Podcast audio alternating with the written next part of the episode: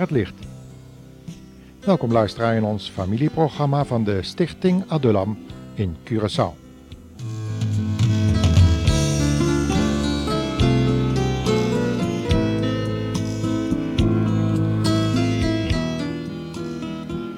Vandaag het thema over het Midden-Oosten.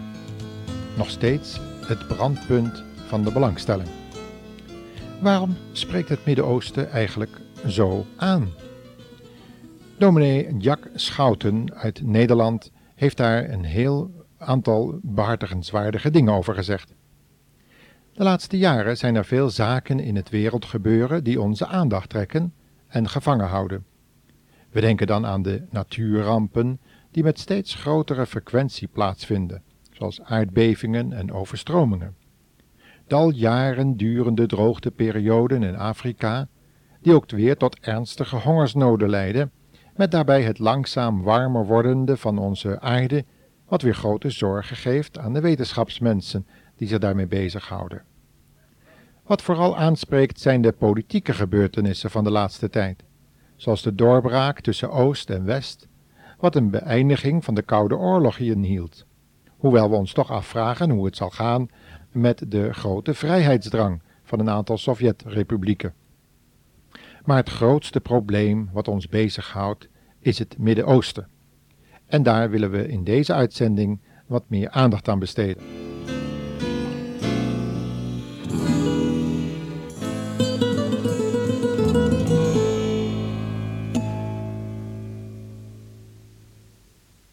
Al tientallen jaren is het duidelijk dat het Midden-Oosten het brandpunt van de wereldpolitiek is geworden. Diverse oorlogen tussen Israël en zijn buurlanden hebben de wereld al enkele malen aan de rand van een wereldwijde ramp gebracht. Het merkwaardige is echter dat Israël op dit moment niet de aanleiding is tot deze dreiging. Althans, dat schijnt zo. Daar komen we nog op terug. Nu zijn er in de afgelopen tientallen jaren meer spanningsgebieden geweest in de wereld, zoals in Afrika en Azië, maar vooral het Midden-Oosten houdt de wereld in grote spanning. Wat is daar toch de oorzaak van? In de Evangelie komen we de zo belangrijke redenvoering van de Heer Jezus tegen, die hij heeft gehouden over de dingen die zullen gebeuren, voorafgaande aan zijn wederkomst. En voor deze uitzending willen we daar enkele zinnen uitlichten. Lucas 21, vers 29, daar lezen we het volgende. De Heer Jezus zegt daar: Let op de vijgenboom en op al de bomen. We weten dat de vijgenboom het beeld van het volk Israël voorstelt. Er zijn diverse plaatsen in het Oude Testament waar het volk Israël voorgesteld wordt als de vijgenboom. Dat is niet zo heel vreemd, want dergelijke beelden worden in de Bijbel vaker gebruikt. Maar waarom een vijgenboom als beeld voor Israël? De vijgenboom heeft, in tegenstelling tot veel andere bomen in het Midden-Oosten, de eigenschap om in de winter al zijn bladeren te verliezen en een totaal doods uiterlijk te krijgen. Zo heeft het volk Israël een doods aanzien gekregen in de loop van de geschiedenis. Ze werden verdreven uit hun land en verstrooid over de ganse aarde. Er was op deze wijze een einde gekomen aan hun volksbestaan. De Bijbel spreekt heel duidelijk over die doodstoestand. We denken daarbij aan het beeld wat Ezekiel 37 gebruikt, van het dal met de dorre doodsbeenderen. Ze zijn zo doods en dor dat de profeet niet eens meer weet of hier nog wel wat van te verwachten is. Totdat God de opdracht geeft aan de profeet om tot die beenderen te profeteren, waardoor zij tot leven komen.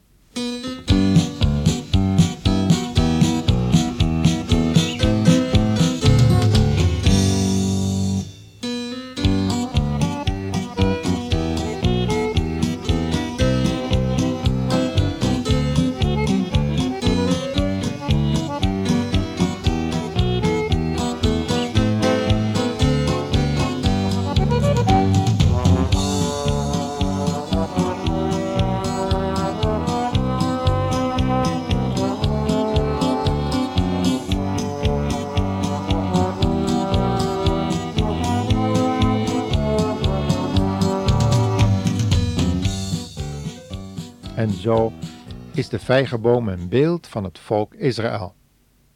In het voorjaar wordt alles anders. Dan gaat de vijgenboom uitlopen. Die hele doodstoestand is dan opgeheven en het leven wordt aan alle kanten zichtbaar.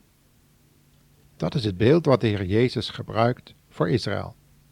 Eerst een totale doodssituatie. Maar de boom loopt uit. En dat is niet iets van vandaag of gisteren, maar al enkele tientallen jaren is zich dit alles aan het voltrekken. Dat heeft niet in de allereerste plaats te maken met de wereldpolitiek, maar met de vervulling van bijbelse profetieën. We zouden hier hele rijen van teksten kunnen noemen, waarin God zegt dat Hij zijn volk weer tot leven zal wekken en hen zal brengen in het land wat Hij aan Abraham en zijn nageslacht heeft gegeven, tot een eeuwige bezitting. Let dus op al de bomen. Dat werd erbij gezegd door de Heer Jezus. Wel, als het volk Israël wordt voorgesteld als een vijgenboom, dan kan het niet anders of die andere bomen waar de Heer Jezus het over heeft, zijn de andere volkeren. En dan wel heel bijzonder de volken rondom Israël, de Arabische volken dus. Vroeger waren die volken niet zo in tel, en hun land was van weinig waarde voor de wereld. De grote wereldpolitiek ging eraan voorbij. Wereldpolitiek, die werd gemaakt in Parijs of Londen, Rome, maar niet in de Arabische landen. Totdat. Totdat ook die volken tot ontwaken kwamen, samen met Israël.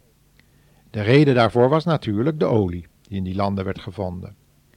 Dat is echter wel belangrijk voor de wereldpolitiek, maar niet voor de vervulling van het profetische woord. Maar God laat dit alles geschieden, omdat Hij een plan heeft met Israël en met de volken rondom Israël. Eén volk is er dat op dit moment onze bijzondere aandacht vraagt. Dat is Irak.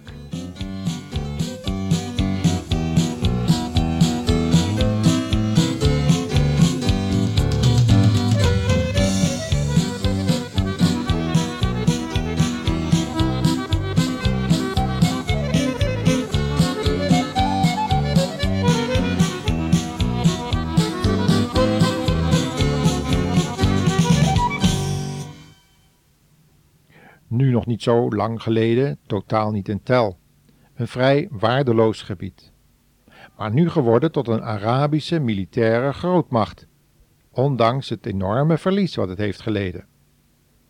Waarom interesseert Irak ons nu zo bijzonder? Welnu, omdat Irak een andere naam is voor een volk en een land wat vroeger op datzelfde gebied lag. Babel. Babel komen we voor het eerst tegen in Genesis 10, vers 10. Het is een zekere Nimrod die Babel heeft gesticht. De Bijbel zegt van hem dat hij een geweldenaar was, een heerser, de eerste heerser op dit, uh, dit aardse gebied. Wellicht ook een dictator. In onze vertaling van de Bijbel wordt hij genoemd een geweldig jager voor het aangezicht van de Heere. Of een geweldig jager tegenover de Heere. Ik ben geneigd om aan te nemen dat deze vertaling beter is, want het verloop van Babel laat ons zien hoe men zich tegenover de Heere opstelt. We denken maar aan de torenbouwers van Babel, want dat waren de nazaten van deze Nimrod. Ze stelden zich op tegenover de Heere, en hun streven was erop gericht op macht en grootheid van de mens. Ze zeiden immers, welaan, laten wij ons een stad bouwen met een toren, waarvan de top tot de hemel reikt, en laten wij ons een naam maken. We zien daarin dat het rijk van Babel het rijk van de macht van de mens is. Toen heeft God al gezegd, dit is het begin van hun streven. Nu zal niets meer wat zij denken te doen voor hen onuitvoerbaar zijn. De macht van Babel werd tijdelijk neergeslagen doordat God ingreep met de spraakverwarring. Maar hoe zal dat in de toekomst zijn?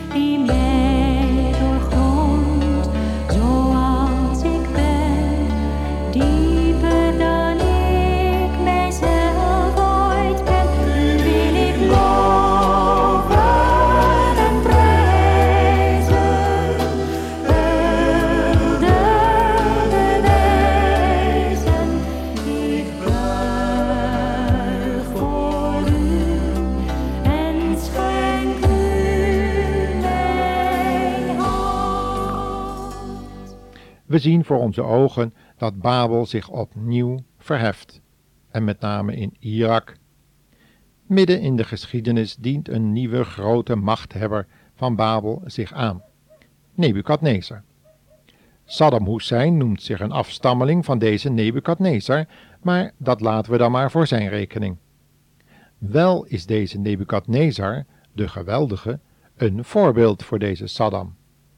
De grootheid en de macht van deze Nebukadnezar inspireert de huidige machthebber van Irak tot zijn expansiedrift en zijn militaire grootheid. In Daniel 4, vers 30 lezen wij hoe Nebukadnezar het heeft uitgeroepen: Dit is het grote Babel dat ik gebouwd heb. Opmerkelijk zijn de uitspraken die hij daarbij doet. Het Babel dat ik gebouwd heb, door de sterkte mijner macht, tot eer mijner majesteit. Ook hier gaat het dus weer om de grootheid en de glorie van de mens. De mens die zichzelf aan het vergoddelijke is. Zo loopt er een lijn van Nebukadnezar naar Hussein. Ook bij Hussein gaat het om zijn eigen grootheid en glorie. Om nu de Arabische landen aan zijn kant te krijgen, gebruikt hij in zijn toespraken vaak de naam Allah. Maar in het verleden is hij nimmer godsdienstig geweest. Het gaat en ging om zijn eigen grootheid. Het rijk van Nebukadnezar wordt door Gods ingrijpen vernietigd. Het was gedaan met de macht van Babel. Maar ook later spreekt de Bijbel over Babel, en wel in Openbaringen 17 en 18, het boek van de toekomst. Heel lang hebben Bijbeluitleggers gedacht dat men dit geestelijk moest verstaan. Wellicht is dit zo en wordt in dit Babel van de eindtijd de macht van heel de mensheid getekend, die zich onder aanvoering van de antichrist tegen God verheft. Maar het is toch opmerkelijk dat juist op de plaats van het Babel van eertijds zich nu juist in deze eindtijd zulk een macht verheft. We zullen met een open Bijbel voor ons en met een biddend hart de gebeurtenissen daar blijven volgen. Want dit bloeien van de vijgenboom en het ontwaken van de volken rondom Israël vertelt ons dat we zijn gekomen aan het einde van de tijden. En daarom is het voor Gods volk belangrijker naar de woorden van de Heere te luisteren, die zegt, als deze dingen beginnen te gebeuren, richt dan u op, heft uw hoofden op, want uw verlossing genaakt. En iets verderop zegt de Heer Jezus, waakt te alle tijden, biddend dat u in staat mocht zijn om te ontkomen aan alles wat er gebeuren zal, en om gesteld te worden voor het aangezicht van de Zoon des Mensen. Dan zullen we Hem ontmoeten, die zijn leven en zijn bloed heeft gegeven voor de redding van onze zielen. Dan zullen we voor eeuwig bij Hem zijn. Dat is het vooruitzicht van de gemeente van Jezus Christus. Luisteraar, bent u daarvoor gereed? Bent u daarvoor klaar? Want de Heer komt spoedig. En het zal ons gebed moeten zijn of de Heer een muur wil zijn rondom zijn volk Israël, opdat het moment zal komen dat de geest van genade en gebed zal worden uitgestort over dit volk, en zij eindelijk zullen zien wie zij eertijds doorstoken hebben, en met berouw tot hem de toevlucht zullen nemen. Want al die gebeurtenissen in het Midden-Oosten maken ons bekend dat de komst des Heren steeds naderbij komt. Maranatha.